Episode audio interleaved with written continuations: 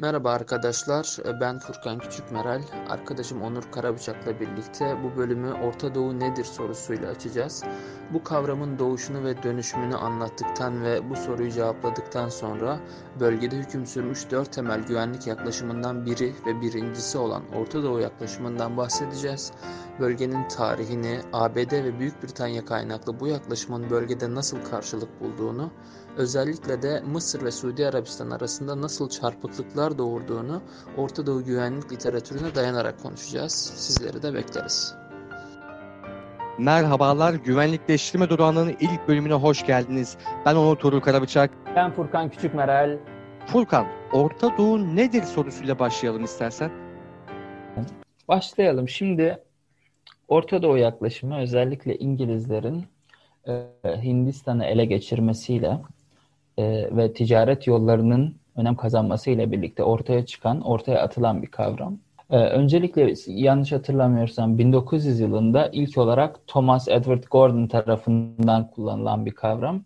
Ee, çoğunlukla Alfred Maha'nın kullandığı söylenir ama Thomas Gordon e, Orta Doğu'yu İran ve Afganistan ve bu ülkelerin periferisi, tabii ki Hindistan üzerinden geçen bir yol olarak tanımlıyor. E, Mahan'a geldiğimizde iki yıl sonra Mahan bunu e, Hindistan'ın İngiltere'ye doğru giden tüm deniz ticaret yolları ve özellikle e, Körfez, bugünkü Körfez çevresi e, olarak adlandırılıyor, adlandırıyor. İlerleyen süreçte bir gazeteci olan Valentin Şirol e, bu tanımı biraz daha genişleterek Hindistan'dan İngiltere olan tüm kara ve deniz yollarını içine alacak şekilde e, değiştiriyor, geliştiriyor. Yani özellikle Filistin bölgesine Yahudi göçü işte 1869'da yanlış hatırlamıyorsam Süveyş kanalının açılması vesaire olaylarla gittikçe Orta Doğu tanımımız batıya kayıyor dikkat ettiyseniz. Yani Hindistan'ın kuzeybatısından başlayarak iyice batıya doğru işte Mısır'dan tut e, Mısır-Irak arası gibi bir bölgeye yerleşiyor. Çeşitli farklı yorumlar da oluyor tabii zamanla ama e, bu tanım çok değişiyor. Ancak değişmeyen tek bir şey var. O da e, Orta Doğu bölgesinin, Orta Doğu olarak adlandırdığımız bugünkü bölgenin bir güvenlik öznesi değil, güvenlik nesnesi olması. Ya yani İngiltere'nin ilgisi daha azaldıktan sonra e, Amerikan ilgisi tabii ki bölgede güç dengelerinin yer değiştirmesiyle artık Amerika'nın hegemon olmasıyla Amerika da bu tanımın içine giriyor. Daha doğrusu tanımı yapanların arasına giriyor şu şekilde normalde işte e, İkinci Dünya Savaşı'nın öncesine yaklaşık 1950'ye kadar Amerika çok fazla ilgili değil bu bölgeyle. Ancak zamanla e, daha çok misyonerlerin ve opinion maker dediğimiz tarzda insanların işte gazetecilerin vesaire görüşlerine dayanarak belli belirsiz bazı poliçeler üretmeye ve bunları uygulamaya çalışıyorlar. Ancak daha sonra İkinci Dünya Savaşı'ndan sonra e, bu nokta önemli. Kendi ihtiyacı için değil müttefiklerinin petrol ihtiyacı için bu bölgenin stabilitesine ihtiyaç duyuyor. E, dolayısıyla e, İngiltere ile uyumlu bir şekilde bu bölgede bir takeover, bir e, güç değişimi de gerçekleştiği için Amerika e, bir miktar mahiyetini de değiştirerek bu güvenliği eline alıyor. E, bu güvenliğin bir diğer maker'ı, bir diğer yapıcısı oluyor. Burada da şöyle bir de farklılık oluyor. İngiltere özellikle daha bölgeye yukarıdan bakan, daha üstenci bir tavırla e, yaklaşıyor ve bu bölgeden tepki görüyor. Amerika bunu işte çeşitli kurul, kurulmaya çalışılan kurumlarda, askeri e, organizasyonlarda daha doğrusu bazı kelime oyunlarıyla hadi siz de işte Orta Doğu bölgesi de bir or, e, güvenlik öznesidir bu bölgede demeye çalışıyor. Ancak bu çok etkili olmuyor. Zaten bir sonraki bölümde konuşacağız. Daha sonra bu yaklaşıma tepki olarak farklı yaklaşımlar ortaya çıkıyor. İşte Arap dünyası yaklaşımı özellikle. Böyle ilerliyor. Orta Doğu'nun ortaya çıkışı. İkinci Dünya Savaşı'ndan önce Orta Doğu'da henüz ABD müdahalesinden söz edemiyoruz. ABD'nin bölgeyle hemhal olmasından evvel Orta Doğu'daki devletlerin ve büyük toplulukların bazı ortak davranış kalıpları var. Bu davranış kalıpları arasında uydu devletler, ideolojilerin elitler tarafından pragmatik olarak kullanımı ve bölgedeki büyük güç mücadelelerinin yeni devletler doğurması yer alıyor. Orta Doğu'da tarihe baktığımızda da böyle bize bazı ipuçları verecek ikili devlet e, çatışmaları var. Şimdi Roma-Pers İmparatorlukları mücadelesinde bugün ABD'nin bölgede araç olarak kullandığı uydu devletler ve kabileler mevcuttu. Savaş çok masraflı bir iş olduğundan tabii Romalılar ve Persler büyük adımlar atıp büyük masraflar yapıp büyük savaşlara sürekli girmek yerine uydu devletleri kullandılar. Uydu devletleri kullanmalarındaki bir diğer amaç da savaşın Tanrı aşkına veya sırf hani işsizlikten yapılması değil, bölgedeki ticaret yollarına hakim olmak istemeliydi. Şimdi bu ticaret yollarına çeşitli küçük devletleri, kabileleri, beylikleri fonlayarak hakim olup bunlardan tabii vergi alıyorsunuz, bunları denetliyorsunuz, bunlara hakimsiniz. Birebir yani büyük devletle birebir çatışmadan kaçınıyorsun. Eğer her seferin ticaret yoluna kendi askerlerini ve teşkilatını konumlandırsan karşı tarafı büyük bir şekilde tahrik edeceksin.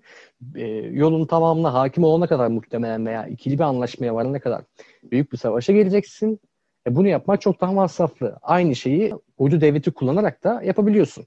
Bu savaşın sonucunda bir de kazanan taraf da olsan hani enerjini ve kaynaklarını harcadığın için bir başkası çıkıp rahatlıkla kazanımının veya senin başka toprakların üzerine konabilir. Çünkü siz zenginleşip teşkilatlanırken kazansak ne olur ki diyen devletler de size bakıp ya ne kadar kuvvetli bunlar, ne iyi insanlar demiyorlar. Onların da tabii planları var haliyle. Onlar da hayatta kalmaya çalışıyorlar. Aynı e, güç mücadelesinde, aynı vahşi dünyada. Bir diğer ortak davranış kalıbı da temel manada pragmatizm. Şimdi Orta Doğu'da özellikle semavi dinler çıktığından beri, onların ortaya çıkışından beri bir devletin yöneticisi diğer devlete din adına savaş açmak isteyebiliyor ki biz bugün bunu çok sık görüyoruz. Roma-Pers mücadelesinde de böyle Hristiyanlığın kabulü, e, hem daha evvel seküler olan Roma'nın sahip olmadığı din adına savaşma bahanesini kazandırmıştır. Devlet liderleri kendi kararlarını sorgulatmamak için ve diyebiliriz ki yani insanları savaş gibi boğucu bir işe sokarken yani bir şey, onlara bir şeyler vermeniz gerekiyor. Sonuç olarak bir bahaneler sunmanız gerekiyor ki onlar da belli bir yerde kalkıp ya ne oluyor kardeşim deyip isyan etmesinler. Yani diyorsunuz ki bakın bu adamlar kafir hani gelecekler geldiklerinde öyle size hoş davranmayacaklar caminizi kilisenize yani neyse işte onlara müdahale yapacaklar ki bu söylemi bugün de pek çok kez duyuyoruz aslında. Ya bu şekilde savaş açabiliyorlar. Tabi buradaki din veya ideoloji kullanımı liderin algıladığı tehdidi büyüyerek sağlamak istediği zenginliğini ve güvenlik ihtiyacını karşılamakta bir maske olarak kullanılıyor çoğunlukla. Aynı anda bir politikacının hem ahlaki bir insan olmasını, bir ahlak savaşçısı olmasını, aynı zamanda da iktidarını ve devletin varlığını sürdürebilmesi için pragmatik bir insan olmasını beklemek son derece çelişen bir durum. Enteresan bir kriz durumu aslında bu. Yani bir yandan da görülüyor ki bu durum halka epey bir moral veriyor. Yani böyle kullanılabiliyor. Nasıl kullandığınıza bağlı. Tabii siz onu bir de yani tacirlere ve sınırda yaşayan insanlara olursa da helak olanlar çünkü genelde onlar oluyor. Bu da açıkçası o dinin bütün pratiklerine ve geleneklerine değiştirmeye yönelik bir adım oluyor. Aynı zamanda istemsizce veya e, isteyerek çünkü o lider onu pragmatik olarak bir şekilde kullanacak. Kendine bir alan açması lazım. Kendisi o dine tamamen uymaktan bir ahlak savaşçısı olmaktansa e, kendi yaptığı ahlaka ters düşen işleri sonuçta onların Tanrı adına yaptığını söylüyor bir monark ve bunu nasıl halka meşru bir şekilde aktaracak? Bunun için mesela Bizans'ta ulema sınıfı, ruhban sınıfı ortaya çıkıyor. Bu aynısı pek de bir Müslüman davranışlarıyla bilinmeyen, hayatıyla bilinmeyen Emevilerin e, lideri Muaviye tarafından da adapte ediliyor. Ulema sınıfı ortaya çıkıyor. Mesela Muaviye'de e, ulema sınıfı kalkıp da pek de Muaviye'nin aksine fetva veremiyor. İşte Muaviye diyelim ki çay içti. Efendim kalkıp çay haramdır derse liderin halk önündeki meşrularını düşürmüş olur. Çünkü siz aksiyonlarınızı İslam adına, Allah adına, Allah'ın kelamı adına yapıyorsunuz. Onun müjdesi adına yapıyorsunuz. Bir İslam devleti lideri olarak. Ne oluyor? Ulema liderin lehine fetva veriyor. Böylece devlet adamı kendi pragmatik ihtiyaçlarını, siyasi çıkarlarını, devletin de siyasi çıkarlarını olabilir bu, korumak için gayri ahlaki yollara başvurduğunda da ulema tarafından bir şekilde halkın karşısında meşru kılınabiliyor. Bu tabi uzun bir e, gelenek. Bu gelenek Osmanlı'ya da geçiyor. Dikkat ederseniz halk ayaklanmalarında, Celalli isyanlarında Şeyhülislam her seferinde isyancıların aleyhine fetva verir. devletin lehine, liderin lehine fetva verir. Fakat tabii bu e, bilinmelidir ki hani İran'da da daha farklı bir durum. İran'da Şii devletinde ne oluyor Şiiler arasında? E, onlar bir kere ulemayı halk fonluyor.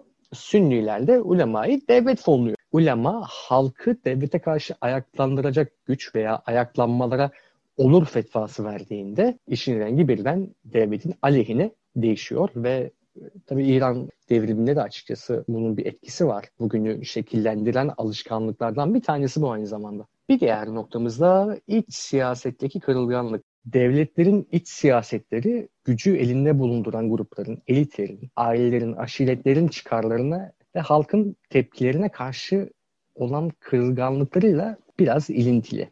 Liderlerin ve halkın reaksiyonları birbirini çok tetikler vaziyette. Orta Doğu'daki devletlerin çoğu liderlerin çoğu çok kendine güvenen, çok agresif şekilde konuşabilir devleti halkı adına veya kendi adına ama aslında son derece kırılgandır. Bu kırılganlık da tabii nasıl ortaya çıkıyor? Bugünkü Orta Doğu'da halk ayaklanmaları bütün bir coğrafyanın birbiriyle ortak dil vasıtasıyla anlaşabilmesi ve e, or, çoğunlukla ortak olan İslam dininin siyasetle son derece iç içe olması sayesinde büyük değişiklikler yaratıyor. Mesela İsrail'in bağımsızlığını kazanması sonrası çevre ülkelere yapılan Filistinli göçü bölgede büyük e, bir dinamik yarattı. Birçok dinamiği değiştirdi devletlerin içerisinde. Mesela Lübnan'da e, devrimi tetikleyen yolda büyük bir değişkendir Filistinli gücü. İsrail her yönüyle diğer ülkelerden ayrılıyor. Dine ve ırka dayalı inşa ettiği kimliğiyle bölgedeki ortak düşman olmayı tabi başarıyor. Bunda agresif politikalar da söz konusu. Bu yüzden zamanında olası bir İsrail-Lübnan anlaşmazlığında diyelim ki Mısır'da halk sokaklara dökülüyor ve yani hükümeti darbe teşebbüsünde bulunabiliyor. Eğer ki hükümet İsrail'i destekleyen veya İsrail'e gerekli tepki göstermeyen bir tutum sergilerse e, bu nedenle de hükümetler rasyonel çıkarlarına, ulusal çıkarlarına uymasa da kendi iktidarlarını koruyabilmek adına böyle mantıksız politikalar güdüp savaşlara, zararı çıktıkları savaşlara girebiliyorlar. Çünkü belli bir yerde de liderin tahakkümü, iktidarı ulusun çıkarının önüne geçebiliyor. Sık sık da geçiyor açıkçası. Bakınız Esad rejiminin iktidarlarını sağlamak için sarf ettikleri çabadan ötürü ulusal çıkarların aksine hareket etmesine genellikle domestik kırılgan bir dış politika modeli diyoruz. Bu dış politika iç politikayla inanılmaz birbirini doğuruyor. Orta Doğu'da din ve İsrail-Filistin mücadelesi bu bakımdan epey bir tabii siyasallaşmış pozisyonda. Bu yaklaşımlar tabii ek olarak bir de yöneticilerin kendi karlarını ve çevrelerindeki ilişkiler ağını beslemeye devam etmeleri de önemli bir belirleyici değişken. Bunu da mesela daha çok rantiyer, aşiret devletleri olan bunlara benzeyen körfez devletlerinde sıkça görüyoruz. Bu devletler genellikle İslam davası tezlerine tepkisiz kalıyor ve Batı ile ittifak kurabiliyorlar çok rahat bir şekilde. Mesela Suudi Arabistan çok daha keyfi yönetimler ve burada da halkın tepkisi devlet yönetimini bu kadar kırılgan bir halde getirmiyor. Birinci harpten sonra da bölgedeki demografiyi söz konusu devletlere müdahale edebilmek için söz konusu devlet, devletler dediğim Orta Doğu devletleri onlara müdahale edebilmek için ve karını artırabilmek için sonuçta İngiltere, Fransa sömürgeci devletler orada bulunurken babaların hayrına bulunmuyorlar veya sırf canları istediği için sırf kötülük olsun diye bulunmuyorlar. Buradan bir rant elde etmeye çalışıyorlar. Bunu maksimize etmek için orada anlaşmazlığa dayalı bir düzen kuruluyor. Bu durumların etkisi de tabii bugünkü Orta Doğu devletlerini kuruyor ve bölgede böyle son yaklaşık işte 50-60 yıldır daha da fazla e, epey bir unutturuyor. Bu mesela %50 Sünni, %50 Şii olması Irak'ta bu prototip olarak konuşuyorum. Bu şekilde kuruluyor devletler daha çok. Mesela Filistin'de, o zamanki Filistin'de e, Yahudi, Müslüman, Hristiyan azınlıkları belli oranlarda yerleştiriliyor. Yani böyle kuruldukları için de açıkçası bu devletler epey bir yapılmış, icat edilmiş devletler olarak karşımıza çıkıyorlar. Ve bugün de tabii etkileri hala sürüyor. Burada sözü Furkan'a bırakacağım. Furkan şeyi soracağım. Yani bu Orta Doğu yaklaşımının temel motivasyonu ne? Ee, ikinci harp Hı. sırasında ve sonrasında ABD ve Britanya'nın. Buyur. Öncelikle şöyle başlayayım. Yani e, bu program süresince önümüzdeki 3-4 bölüm boyunca dört farklı yaklaşımdan bahsedeceğiz. Birincisi yani bu bölümde konuşacağımız Orta Doğu yaklaşımı. E, bir diğeri buna karşı buna bir cevap olarak ortaya çıkan e, Arap dünyası yaklaşımı. Daha sonra Arap dünyası yaklaşımına bir cevap olarak çıkan ve Orta Doğu yaklaşımıyla aslında el ele giden bir Müslüman dünyası yaklaşımı karşımıza çıkacak. En sonunda da Avrupa Birliği'nin başını çektiği Avrupa Akdeniz yaklaşımı e, karşımıza çıkacak 80'lere doğru. Şimdi başlayalım e, Orta Doğu yaklaşımının ne olduğuna, e, temel özelliklerine, nasıl bir güvenlik tanımı var, Kime karşı bir güvenlik var ve bu güvenlik nasıl sağlanacak? Şimdi öncelikle e, bunların e, bu yaklaşımın üç temel özelliği var. Birincisi top down yani yukarıdan aşağıya halkın güvensizlikleri ya da bölgesel aktörlerin güvensizlikleri dikkate alınmadan oluşturulması. Birincil olarak bunu açıklayacağız. E, bir diğer özelliği de askeri merkezli olması. Yani şöyle e, atıyorum Avrupa Akdeniz yaklaşımına bakıldığı zaman non-state actor dediğimiz devlet dışı organizasyonların, işte, e, sosyal grupların katılım gösterdiği ve daha demokrasiyle uyumlu bir e, yapı varken burada temel olarak askeri güvenlik çünkü biliyorsunuz güvenliğin çok farklı yönleri var ve bu yaklaşım temel olarak askeri güvenlik üzerine kurulu bir yaklaşım.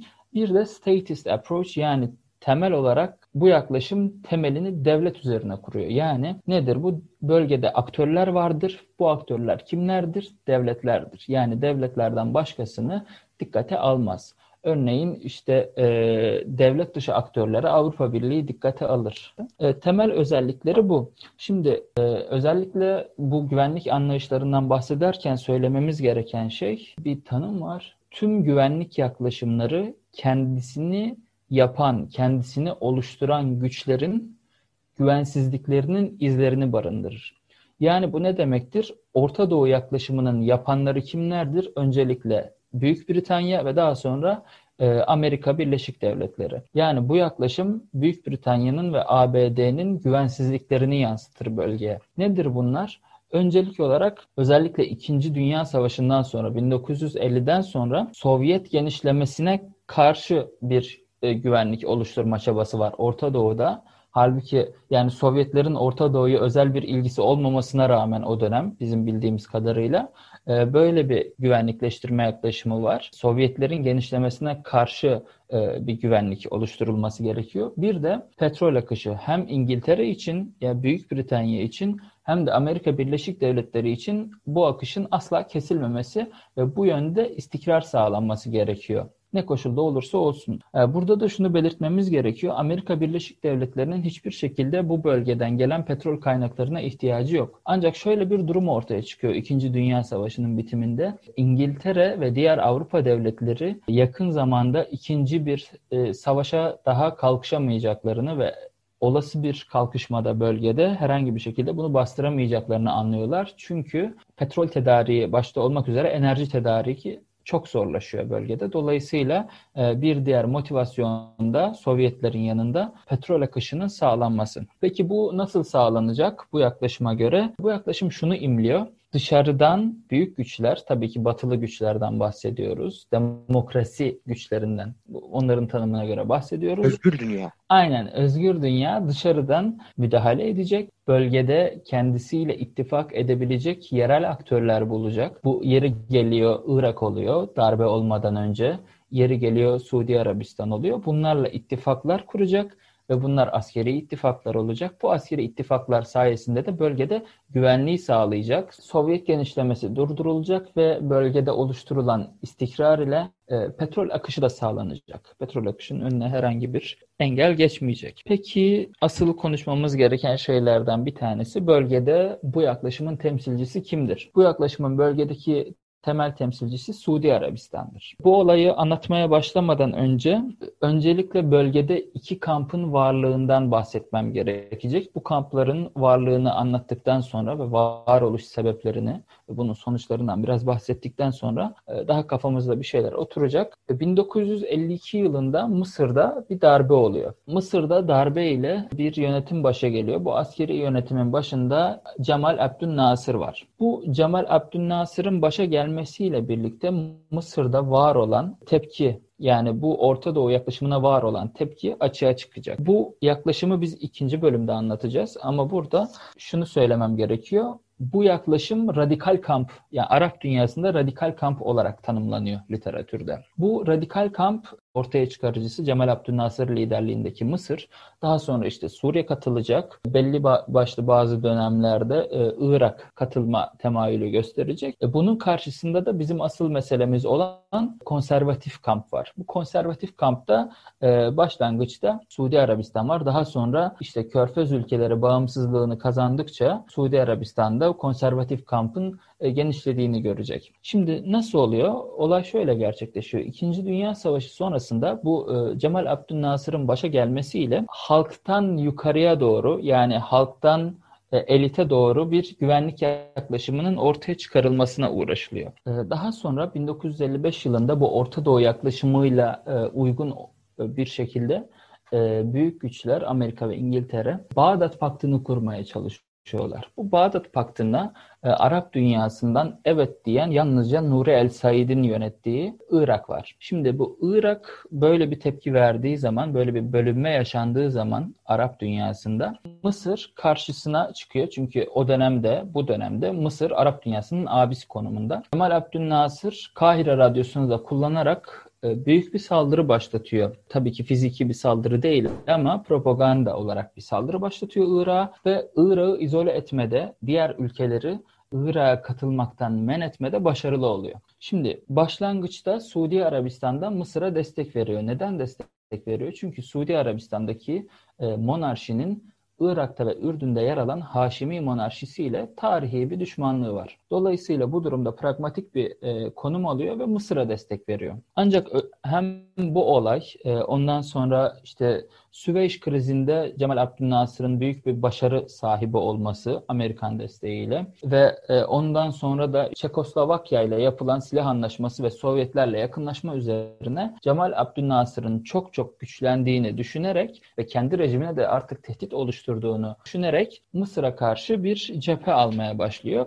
Ve bu cephe alma gittikçe de güçleniyor diyelim, yoğunlaşıyor. Özellikle artık 1962'de e, Yemen iç savaşı çıkıyor. Yemen'de kraliyetçiler ve cumhuriyetçiler çatışıyor. Kraliyetçileri Suudi Arabistan destekliyor. Bunlar konservatif kampın üyeleri. Cumhuriyetçiler de Mısır'ı e, Mısır'dan destek alıyor ve e, Mısır kendi yarattığı Cemal Abdülnasır kendi yarattığı karaktere uyarak Yemen'e bazı kaynaklarda 30, bazı kaynaklarda 50 bin asker gönderiyor ve Suudi Arabistan'ın artık temel e, güvenlik tehdidi rejime karşı tehdit oluyor ve Suudi Arabistan 1962'den sonra özellikle iyice Amerikan ve İngiliz yardımına kendisini adıyor diyeyim. Hatta Kral Faysal'a göre Amerika Suudi Arabistan'ın nihai garantörü. Yani bir noktada artık tamamen Orta Doğu yaklaşımına savrulma var. Nedir? Çünkü 57'ye kadar bazı konularda Mısır'la beraber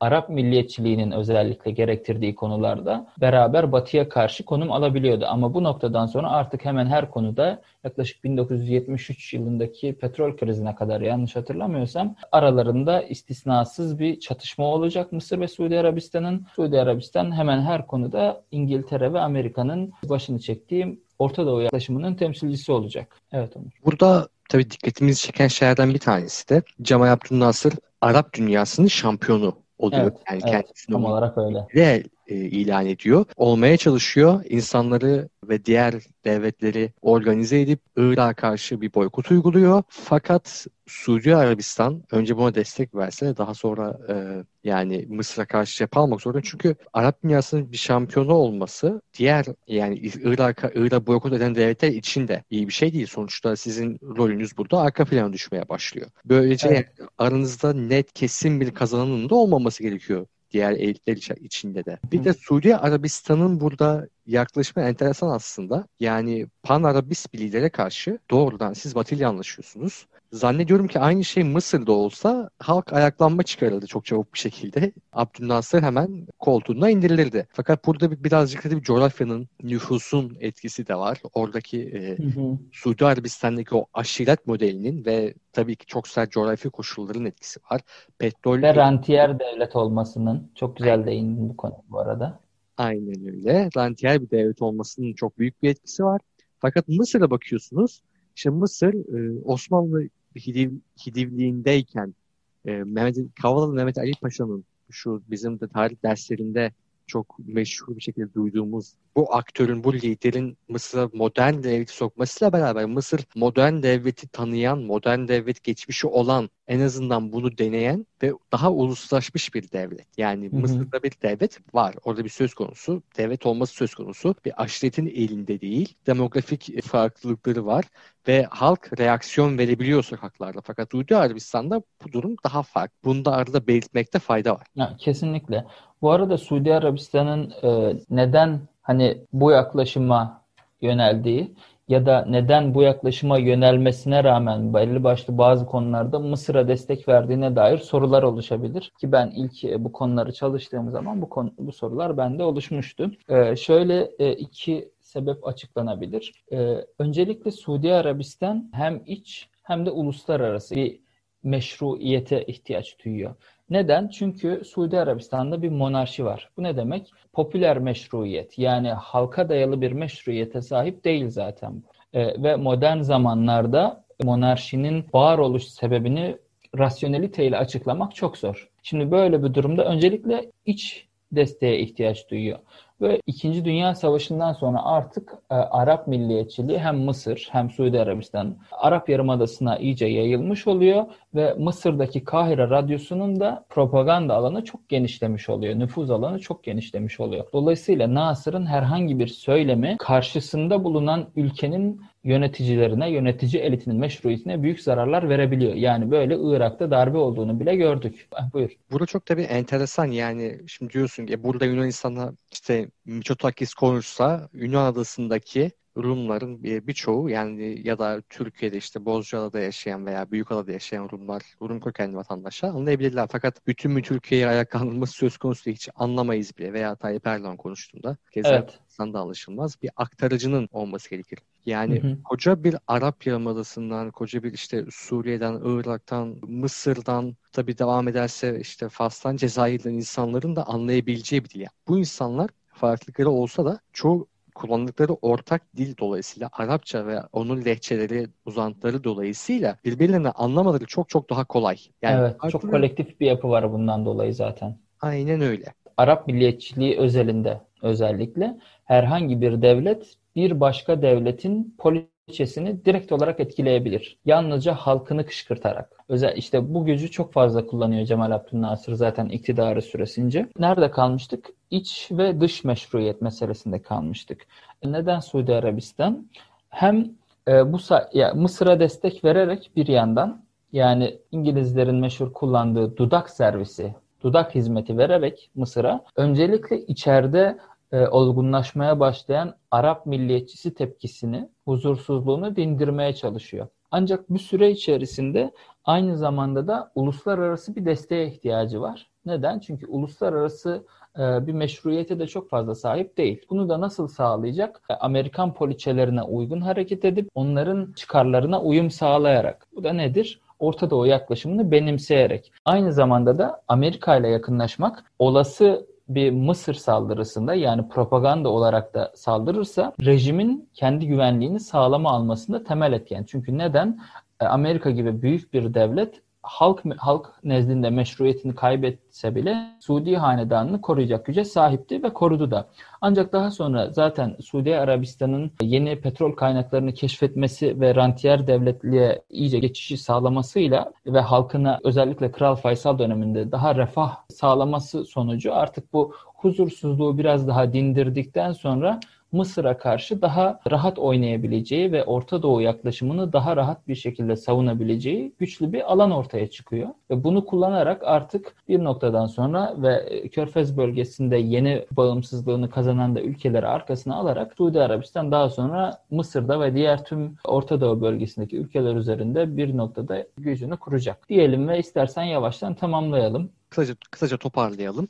Orta Doğu kavramından konuştuk. Orta Doğu kavramı nereden doğdu onu konuştuk. Orta Doğu devletleri bugünkü bildiğimiz anlamda nasıl oluştu? Biraz ondan bahsettik. Daha sonra e, Britanya'nın ve ABD'nin bölgeye bir Orta Doğu yaklaşımı, güvenlik yaklaşımı getirdiğini, bu yaklaşımın zihniyetini bahsettik. E, Cemal Abdülnasır'ın iktidara gelmesiyle beraber oynadığı Arap liderliği, Arap şampiyonluğu macerasının Suudi Arabistan'ın güvenlik yaklaşımını nasıl e, etkilediğini ve Suudi Arabistan'ın e, ne saiklerle, neden ve e, nasıl bu Orta Doğu yaklaşımına katıldığını, bu vagona atladığını konuştuk.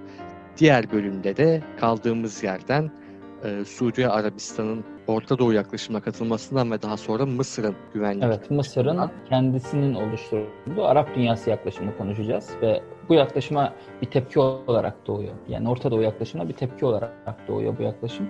Gelecek bölüm bundan bahsedeceğiz. Çok teşekkür ederiz. Görüşmek üzere. Ben teşekkür ederim. Görüşmek üzere.